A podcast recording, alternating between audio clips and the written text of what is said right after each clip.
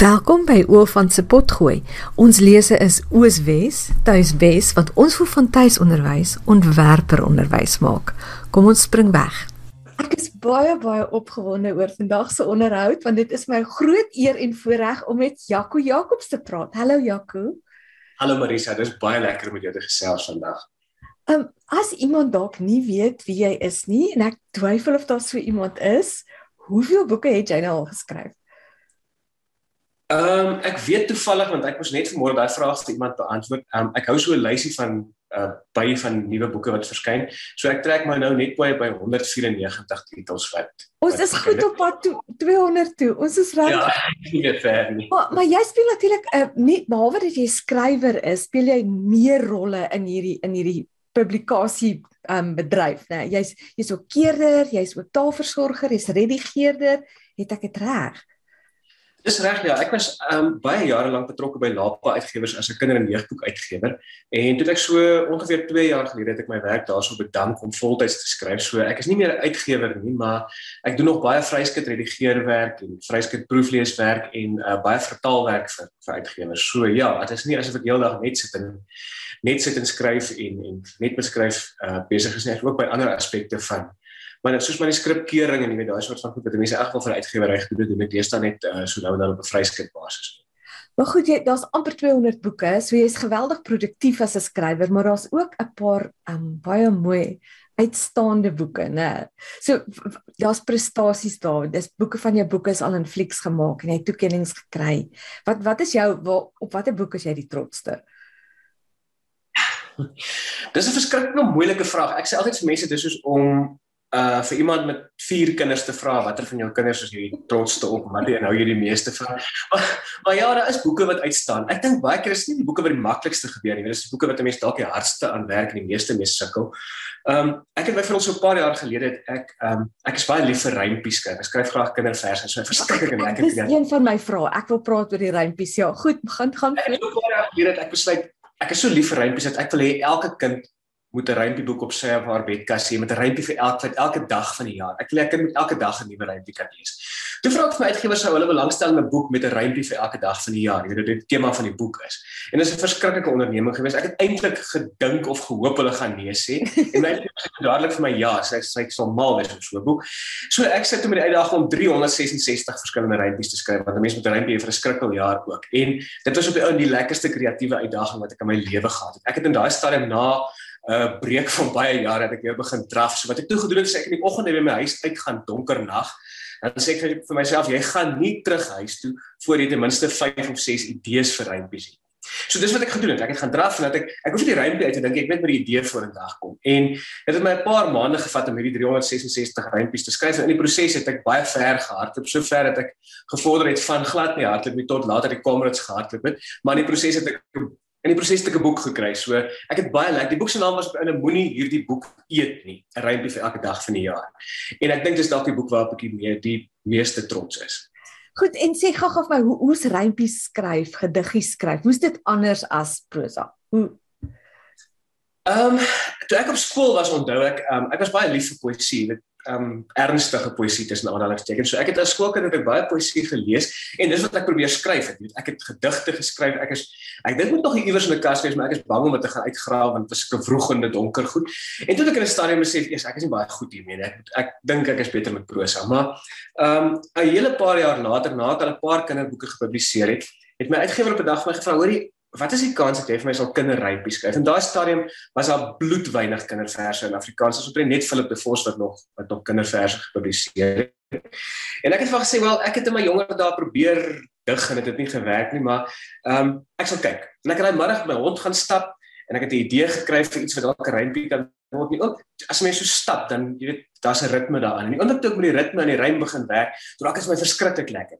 En en om jou vraag nou te beantwoord, ehm um, die verskil tussen rympies en prosa, versie skryf en prosa skryf, lê vir my uh die genot van rympies is met dit kort is. Jy weet, ek het 'n aandagspan vir goudvislengte. So dis vir my baie lekker om die oggend te kan gaan sit en aan rympies begin werk en teen die middag se kant dat jy dalk 2 of 3 of 4 uh idees waaraan jy werk en rympies wat in verskillende fases van voltooiing is. Ek hou daarvan, jy weet dit lekker kort is en is vinnig en jy kan in 'n week se tyd kan jy 'n rympie afrond tot op die punt waar dit ehm um, hopelik publiseerbaar is.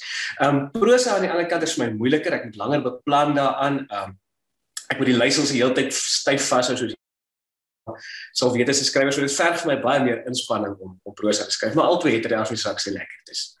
Nou kom ons kyk na die perspektief. Nou, ek gaan jou half nou as pa ook nou vra. En wat dink jy hoekom hoekom was dit vir jou so belangrik om dat vir 'n kind 'n rympie per dag te gee? Wat dink jy is die waarde van van gedigte? Ehm um, ek het groot geword uh, daar op 'n klein dorpie in die Karoo. Ehm um, met 'n wêreld van storievertellers. My oupa kon die wonderlikste stories vertel. Die mense daar is gebore storievertellers. Maar ek het hierdie ouma, sy leef nog steeds. Ehm um, wat fantasties is met kinderversies. Nou, ons het so groot geword as ons die slag by haar kuier en sy bak byvoorbeeld pannekoek. Dan sal sy 'n kinderrympie uit haar kinder daar kan opsê oor pannekoek. Of as sy die bed opmaak, sal sy 'n rympie oor bed opmaak. Jy weet daai soort van ding. En ek dink dit het my taal belangstelling en my taalvermoë op 'n jong ouderdom geprikkel en my belangstelling in taal en klanke en ryme en ritme.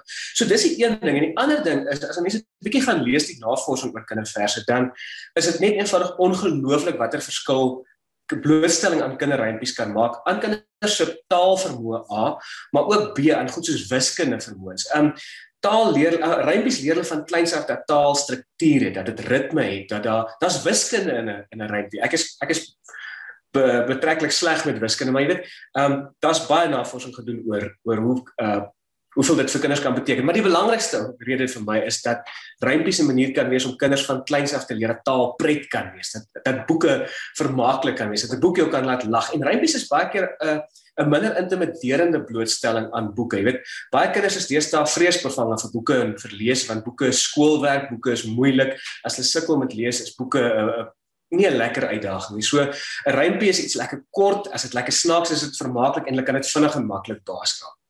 Goed, maar jy's deesdae jy jy's ook 'n pa nou deesdae, né? Jy het twee dogtertjies. Ja, dis reg. Ehm uh, Mia is nou 9 jaar oud en Emma is 7 jaar oud. En die lekkerste is nou natuurlik ek het ek het al jare gelede, ek ek dink is nou 20 jaar gelede dat my eerste boek verskyn het. So ek het vir baie jare dat ek vir kinders geskryf sonder dat ek self kinders gehad het. En vanaf my eie kinders gebore is, is dit nogal lekker om die dinge wat 'n mens altyd gepreek het en dit wat jy in teorie ge, geweet het om dit prakties te kan ervaar en te kan beleef. Nou goed, in hierdie kringe waar jy nou is, is ons is groot groot voorstanders van hardop voorlees. En ek weet nie of jy weet, ons het ons het spraak en taalterapeute in ons geleerders en hulle het ons baie mooi geleer van hierdie konsep van fonologiese bewustheid. Ek weet nie of jy dit ken nie. En dit het dit wie ag maar goed, ek gaan dit net gou-gou herhaal ter wille van die luisteraars is um, 'n mens het 'n ingeprogrammeerde vermoë om taalse patrone en reëls af te lei as jy genoeg voorbeelde daarvan hoor. En taal is in die eerste plek bedoel om gepraat te word, gehoor te word. So dis die groot waarde van hardop voorlees. Is jy 'n voorleser? Is jy 'n pa wat voorlees? vir jou kinders? Ja, verseker. Um, ek het uh Maar ons ek het oor die jare oor baie oor hierdie dinge gelees. So ons het ek onthou toe my vrou swanger was met ons eerste ding was ek besig om 'n rymende prenteboek te te skryf en dit is dit is 'n moeilike uitdaging. Dit is 'n ding wat jy oor en oor en oor skryf en wat jy perfek moet probeer maak. So ek het in daai stadium dat ek in die aande um op die bed geleë en dat ek vir ons babietjie voorgeles terwyl sy nog in haar ma se so baarmoeder was. So ons het regtig van van baie vroeg af vir hulle vir hulle gelees en um en nie net lees nie, maar ook stories vertel. Het, ons het ons het nog 'n tradisie in ons huis van ons in die middag Ehm um, as die kinders van die huis af kom, eet ons aan etenstafel. En dan gesels ons. Ehm um, met met twee dogtertjies in die huis, moet ek jou sê, daar's nie daar's nie baie kans vir my om te praat tussen hierdie manne vertel wat met die dag gebeur het en vertel wat op die skoolgrond gebeur het en so. So die een deel is my voorlees is verskriklik belangrik, om hulle ook die kans te gee om te gesels en stories te vertel. Ons het van kleins af hierdie stories vertel speletjies met hulle gespeel. Want ek 'n storie eentjie vertel en dan vertel hulle dit verder en baie vermaakliker dikwels as wat ek kan. So daai ding van praat en hulle blootstel aan taal is vir my ontsettend belangrik. Nou, is daar enige gunstelinge as jy so voorlees? Uh in hierdie stad, dit gaan deur sulke fases. Ons het ehm um, party boeke, ek onthou toe Mia uh nog klein was toe sy so 2, 3 jaar oud was, was Liewe Lande Olifant. Dit is een van my eie boeke. Ek lees daarom net my eie boeke vir hulle nie.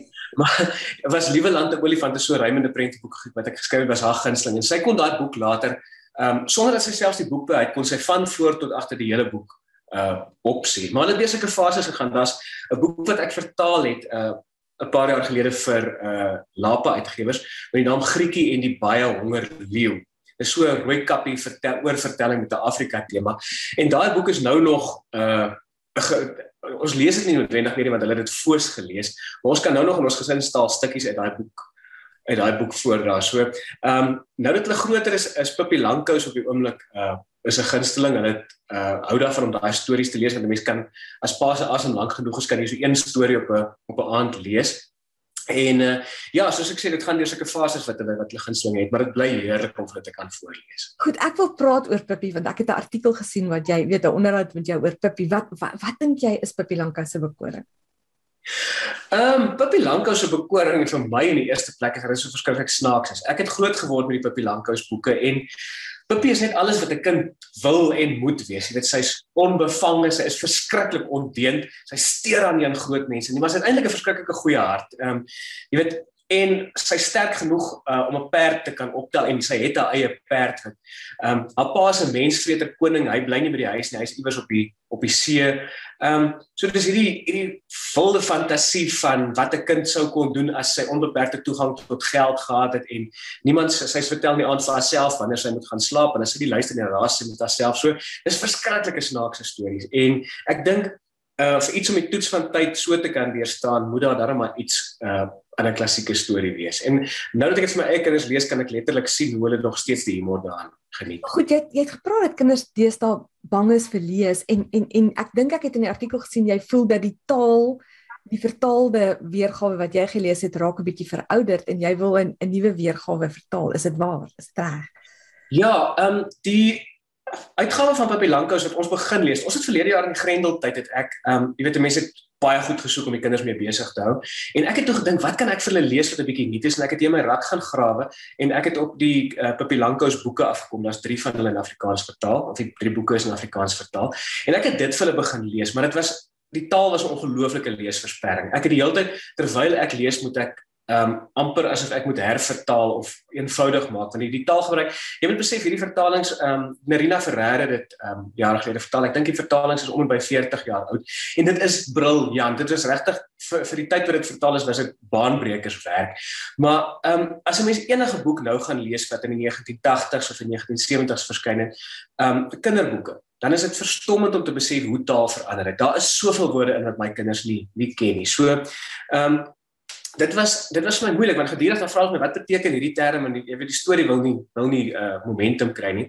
En ek het toe sommer so 'n kans gevat en vir die uitgewer by um NB uitgewers gevra as hulle ooit weer 'n uh, Pippi Lankhous uh die die boeke uitgee, die, die omnibus uitgee of sy nie sal oorweeg dat ek die die die oorspronklike vertaling vat en net so bietjie vernuwe. Jy weet 'n bietjie skaaf dan moeilik 'n ja. bietjie en ehm um, ek was toe gelukkig want die boek is toe amper uit druk uit en daar's 'n spesiale uitgawe um hierdie jaar op pad. Ek het dit hier iewers byderhand ja, dis dis hierdie jaar is Pippi 75 jaar oud. So hulle het nou net mooi 'n 75 jaar uitgawe op pad. En ek het die kans gekry om die, om die boeke bietjie eenvoudiger te maak en dit is so lekker om dit nou te kan lees en nie die hele tyd moet verduidelik wat beteken hierdie hierdie argaïese terme nie. Dit is net my kinders geniet dit baie iemand wat so half ook half verlief is op taal en baie belangstel in taal. So ek gaan ek weet nie of almal hier gaan belangstel nie. Kan jy dalk 'n voorbeeld gee van 'n woord wat jy voel wat verouderd is of 'n lekker vars nuwe woord waarmee jy vorendag moes kom? Ehm, um, dis ek het dit nou al 'n paar jaar ag jare wat terug gedoen, so dis vir my moeilik om aan spesifieke voorbeelde te dink. Ek het ek het nou die dag moes ek vir 'n koerantartikel moes ek ehm um, dit uh moes ek 'n klompie voorbeelde uithaal, maar goed soos ehm um, dit sou destyds nie dis nou nie die beste voorbeeld van van iets maar dit sou destyds nie vreemd gewees het om om te sê uh in, in, in plaas van waar waar my kinders sou praat van 'n huis, hulle byvoorbeeld praat van 'n woning. Jy weet daai soort van ja. dis net 'n register ding. Dis nie dis nie asof 'n woord heeltemal on, on in sekere gevalle is dit onverstaanbaar, maar dis net 'n register wat baie moeilik is om om te vang in sekere tye. So daar's ek het geen slang ingesit nie. Ek dis ons het nie probeer om Pippi Lankhou skielik cool te maak in Latiener taal, maar daar's niks Engelse woorde in en daai soort van goed nie. En dan was daar ook 'n paar sensitiewe verwysings, jy weet na goed soos ras en so wat ehm um, eintlik was Pippi in daai opsig ook haar tyd vooruit. Ehm um, die as jy die boeke skerp lees, dan besef jy mense eintlik daar's baie knipoogies om te te sê hoe rassisties groot mense kan wees en ehm um, en so aan. Maar van hierdie verwysings was wel ehm um, moes moes ek vir my kinders sensor want dit sou kwetsend voorgekom het. So ons het daarna ook gekyk en dit ook uitgehaal uit die uit die boek uit. En die ander ding wat jy gesê het is sy sy sonder 'n pa, jy weet sy sy's eintlik op haar eie. Ek vind dis wat snaaks is van hierdie dogtertjie. Dis eintlik nog al 'n tema wat mens baie keer sien in kinderboeke. As ek dink aan Enid Blyton se boeke selfs. Jy weet, daar's nie daar's nie ouers, daar's nie groot mense in die prentjie nie. En selfs as ek dink aan iets soos uh, stories van Rivierplaas, ou Melitie speel 'n baie belangrike rol as die ma, die ouers self. Wat wat dink jy is daar aan die gang met kinderboeke? sien jy dit in die eie boeke ook? Ehm um, ja, ek het ehm um, ek het byvoorbeeld nou onlangs 'n nuwe reeks boeke geskryf. Daar's vier boeke in die reeks. Ehm um, ek gaan nou ook die naam Waldo. En 'n groot tema aan die boeke is die soektog na 'n pa. Ehm um, Waldo is is word hier enkel maar groot gemaak want sy pa het verdwyn toe hy klein was. En ehm um, dit is ek dink aan die een kant is dit 'n tema waarmee wat vir kinders moeilik is om te verwerk. Ek het alle kinders het 'n inherente vrees dat hulle ouers sal verloor. So dis 'n manier om daarna te kyk. Maar ook as 'n mens nou byvoorbeeld soos jy sê in dit Blyton waar die ouers baie afwesig is en so gaan dit baie vir my maar daaroor dat ehm um, as kind gebeur jou grootste avonture wanneer groot mense nie by is. Groot mense is daar om jou pret te bederf as 'n kind. So ehm um, dit is maar wat baie keer gebeur, jy weet. Ehm um, Pippi kan soveel pret hê met haar pa iewers op die op die see rondvaar en ehm um, haar ma is is is oorlede. Sy's 'n engeltjie en sy kyk vir haar daar van bo af stel Pippi af voor. So sy kan al die wilde avonture hê maar nie groot mense is om te sê so nie dan is dit dan wel in die derde boek haar pa ehm um, vaar kom kuier en dan na die um, Corrie Corrie pot eiland toe vat. Hy ook maar baie kort. Is net 'n rukkie daar en dan gaan hulle inkopies doen of wat ook al los vir Pippi alleen op hierdie eiland. Hulle hulle moet hulle ook los dit kan pret hê Ja, ek ek sit en wonder byvoorbeeld aan weet Hansie en Grietjie daai storie die onderliggende sielkunde amper daar is weet jy jy gaan sonder die ouers ouers kan oorleef. Dis daai daai boodskap ons bemagtig amper die kind. Ek ja. ek wonder of dit nie dalk dalk 'n faktor is nie. Ja, jy gaan sukkel, jy, maar jy gaan self met 'n pad kry om terug te kom huis toe, ja. terug na jouself toe of wat ook al. Ek raak ja, baie in in kinderboeke 'n belangrike ding altyd vir my dat ehm um, die volwasse karakters kan 'n helper rol speel en hulle kan baie keer 'n bemoedigende rol speel, maar die hele um, bemagtigende doel van 'n kinderboek is om op die ou en deur die deur die karakters vir 'n kind te sê kinders kan dit regkry. Jy as kind kan planne maak. Jy as kind kan die raaisel oplos of jy uit 'n penarie kry en en dit is die ding wat kinders uit 'n uit 'n kinderstorie leer. Jy weet 'n kinderstorie, ek voel altyd volwassenes se rol moet moet so klein as moontlik wees. Hulle moet so ver as moontlik van die van die storie af staan. Ehm um, of van, die hoofstorie lyne af staan. Ja, en ons sien dit in al die klassieke boeke. Jy weet, so ek dink dit is half 'n dit is half 'n tema wat voorkom by almal. Goed, ek wil nou teruggaan na daai daai eerste storie van jou. Vertel vertel my die die storie van jou heel. Hoe dit gevoel, wat het gebeur, hoe oud was jy toe jou heel eerste storie gepubliseer is? Ehm um, Ek moet eers vir jou sê my toe ek my heel eerste storie geskryf het, was ek 7 jaar oud. Ek het ek was van kleins af 'n storieverteller. Ek het ek was 'n verskriklike skaam teruggetrokke plaas seentjie. Maar my pa het vertel, ek ehm um, my pa is 'n laat lam, so ek was baie jonger as al my niggies en neefs. Maar hy vertel tog as daar familiekuier was, ek het heeltyd vir hulle stories vertel. En my neefs en my niggies vertel het aan my lippe gehang. Ek kan dit vir my glad nie voorstel nie, want ek was regtig baie teruggetrokke kind. Maar ek onthou ek is skool toe in se aard met die hele idee van ek wil leer lees en skryf. Um ek was doodbang vir skool. Ek wou glad nie skool toe gaan nie. Die onderwysers het vir my soos tiranne gelyk en ek was bang hulle gaan my doodslaan en wat ook al so ek was doodsbenauwd om skool toe gaan, maar ek het gedink hulle gaan my leer lees en skryf. En die eerste middag van my eerste skooldag toe by huis kom, toe probeer ek lees en probeer skryf en ek besef ek kan nog nie lees of skryf en daai tweede dag toe speel ek skoolsiek. So dit was my claim to fame is dat ek my tweede skooldag skoolsiek gespeel het. Maar ek het wel ek het op ek was so 7 jaar oud toe ek weet toe ek nou kon begin skryf en so het ek al begin stories maak. Ek het prentjies geteken en my eie boeke gemaak, iets wat my eie dogtertjies ook nou maak. So dit het regtig van kleins af gekom en toe ehm um, op hoërskool het ek ernstiger begin skryf. Ek het ehm um, aan skryfkompetisies begin deelneem. Ehm um, ek het hier is standaard 9 uh eerste graad 11 en 12 het ek uh vir tydskrifte verhale begin voorlê. Ek het um, 'n skryfskool bygewoon in Potchefstroom en ek het besef dit en dit en dit is wat jy moet doen as jy gepubliseer wil word. So ek het toe al gedroom daarvan om 'n skrywer te word, maar mense is doodbang. Jy weet dit is so maklik om na jou ouers te gaan sê ek wil 'n dokter word of 'n prokureur word of wat ook al want dis 'n regte werk, maar as jy jou ouers toe gaan en sê ek wil 'n skrywer word, dan is dit half jy weet jy weet jy gaan hulle moed breek. So wat ek gedoen het, ek het wou vir myself wys ek kan dit doen. Ehm um, ek het nou begin om met 'n magtige vaart stories te skryf en aan uh Sari en Rooi Rose se verhale redakteurs voor te lê. En 'n matriek is um van my eerste stories toe wel deur um Sari aanvaar.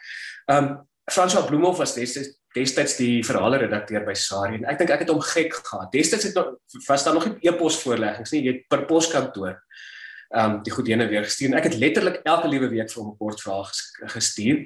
Um, waarvan hy die meeste uit die aard van die saak afgekeur het. Maar ehm um, hy het regtig moed gehou met my. Hy het nooit nooit 'n stokletter teruggestuur en sê jammer jy jou verhaal word nie aanvaar nie. Elke keer vir my kommentaar geskryf en eendag het hy vir my gesê ehm um, hy hou van hierdie storie maar dit werk nie vir vir Sari self nie.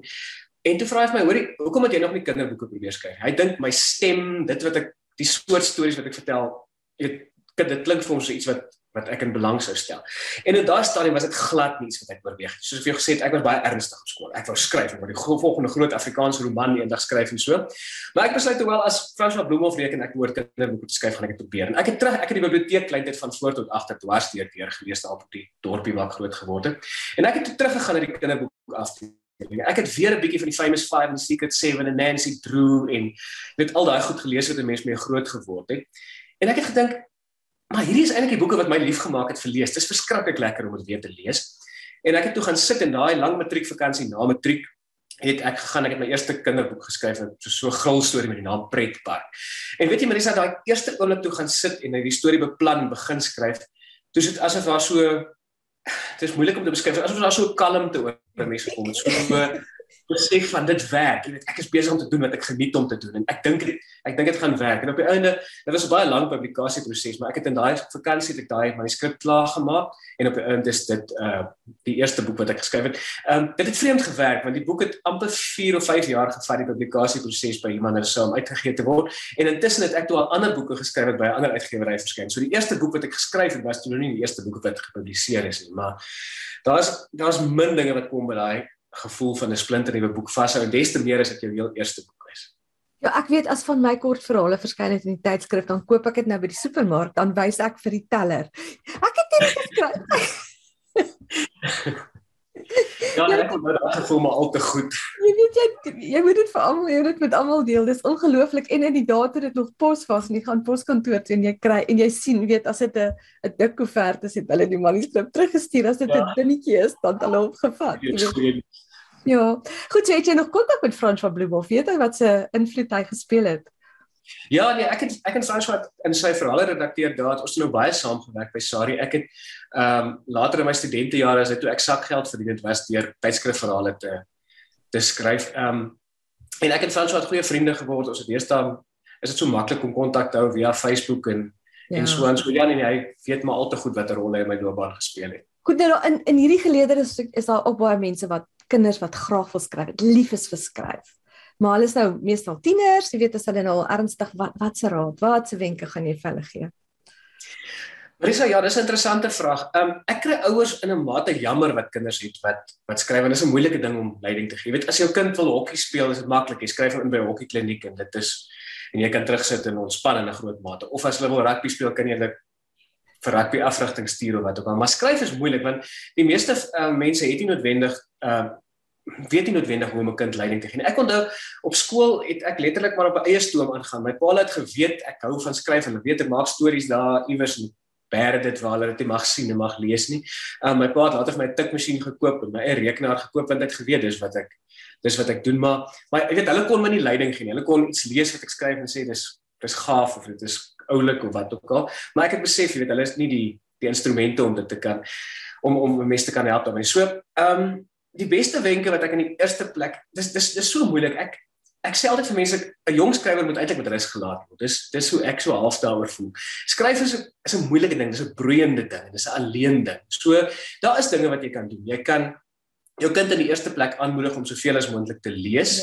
Ja. Ehm um, dit is die heel belangrikste raad wat jy vir enige jong skrywer kan gee. As jy nie 'n goeie leser is nie, kan jy nie 'n goeie skrywer wees nie. Um 'n mens kan hulle vir 'n skryfwerkswinkel stuur is baie um, as jy so 'n geleentheid iewers sien, moedig hulle aan om vir skryfkompetisies in te skryf.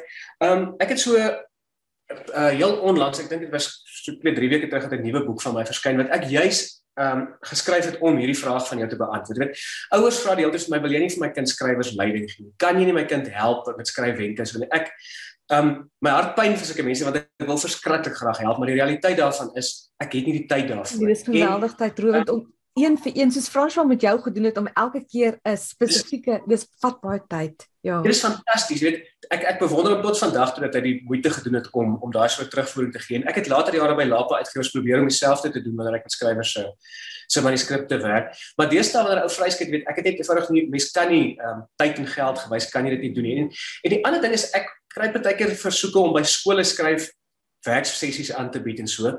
Maar my probleem daarmee weer is dit is te kort. Jy kan in, in, in die middag 'n uur lank na skool toe gaan jy met die kinders gesels oor skryf, maar jy kan nie hulle praktiese oefeninge laat doen en daai soort van goed wat eintlik nodig is. So ek het 'n boek geskryf met die naam Tussen die lyne. Um wat nou pas verskyn het. En dis presies wat dit is. Dis is um is 'n skryfgids vir kinders. Um groot mense kan waarskynlik ook pret hê mee want die, hele idee is om kinders op 'n prettige manier te laat speel met hulle kreatiwiteit. Um ek praat oor hoe om karakters te skep. Ek praat oor um goed soos ruimte. Ek praat oor personifikasie en metafore en al daai soort van goed wat hulle in die letterkunde klas leer, maar probeer dit regtig op 'n prettige manier doen. So hier's allerlei speletjies in wat kinders kan speel. Ek nooi hulle letterlik om hier by my lesse na te kom sit en en te kyk wat ek doen van my karakters wat ek oor die jare geskep het, professor Fungus en Zakkie Mostert en die ouma van my ouma 'n rockster is ook in hierdie boek en hulle gesels saam en so. En dit is soort van my ehm um, poging om ouers te help wat kinders het wat wat kreatief is. En selfs kinders wat in 'n letterkunde-klas sukkel met begrippe soos ruimte en en so aan, dink ek kan baat vind daarbey om. En en waar is die boek beskikbaar? Wie dit uitgegee? Uh, dit het by Lapa uitgewers verskyn en dit behoort in hierdie stadium by alle boekwinkels beskikbaar te wees. En is daar 'n e-boek weergawe ook beskikbaar of Ek is nie seker of die e-boek al beskikbaar is nie. Ehm um, die probleem is die uh, in e-boek formaat. Ek ek is nie seker of die uitgewer 'n e-boek gaan uitgee nie, ja, maar dis 'n blaai se maak op so 'n bietjie vir ons oop oog goed. Dis 'n praktiese werkboek hierdie. So, ehm um, jy weet die eerste gedeelte is ehm um, daar's oral jy sal sien is oral spasies waar kinders kan kan skryf. Ehm um, die hele laaste 20 of 30 bladsye dink ek is alles sulke speletjies wat hulle kan speel. Ehm um, hierdie een is byvoorbeeld ag uh Hier is byvoorbeeld 'n speletjie met die naam verbode woorde wat jy iets soos 'n swembad moet beskryf maar daar's nou 'n hele lys woorde wat jy nie mag gebruik nie. Mag nie water, kloor, duikplank of swem gebruik nie, maar dan moet jy 'n swembad beskryf. Ehm um, hier is uh kom ons kyk wat se so dis so jy verstaan 'n e-boek gaan dit moeilik wees Ja ja, ek verstaan. Dis is so so amper 'n interaktiewe boek. Jy weet ja, hulle ja, dit is ook om dit so 'n groot formaat uitgee. Jy weet daar genoeg plek is om te kan te kan skryf. Ek is baie bly om daarvan. Dis 'n lekker hulpbron wat mense van kan weet. Ja. Is daar nog iets wat jy wou bygevoeg het wat ek vergeet het om te vra? Dit was dit was so lekker om oor boeke in Afrikaans en alles te praat. Ja, ek moet jou sê dat ehm um, jou vraag was jou vraag was verskriklik lekker om te kon beantwoord. Dit was heerlik om met jou te kon te kon gesels. So ek het niks spesifiek om by te voeg nie. Tensy jy nog my moeilike vrae het waarmee jy wil my wil vasvra. Nee, ek dink ek het als gevra wat ek wou. Baie baie dankie dat jy ja gesê het, die tyd gemaak het.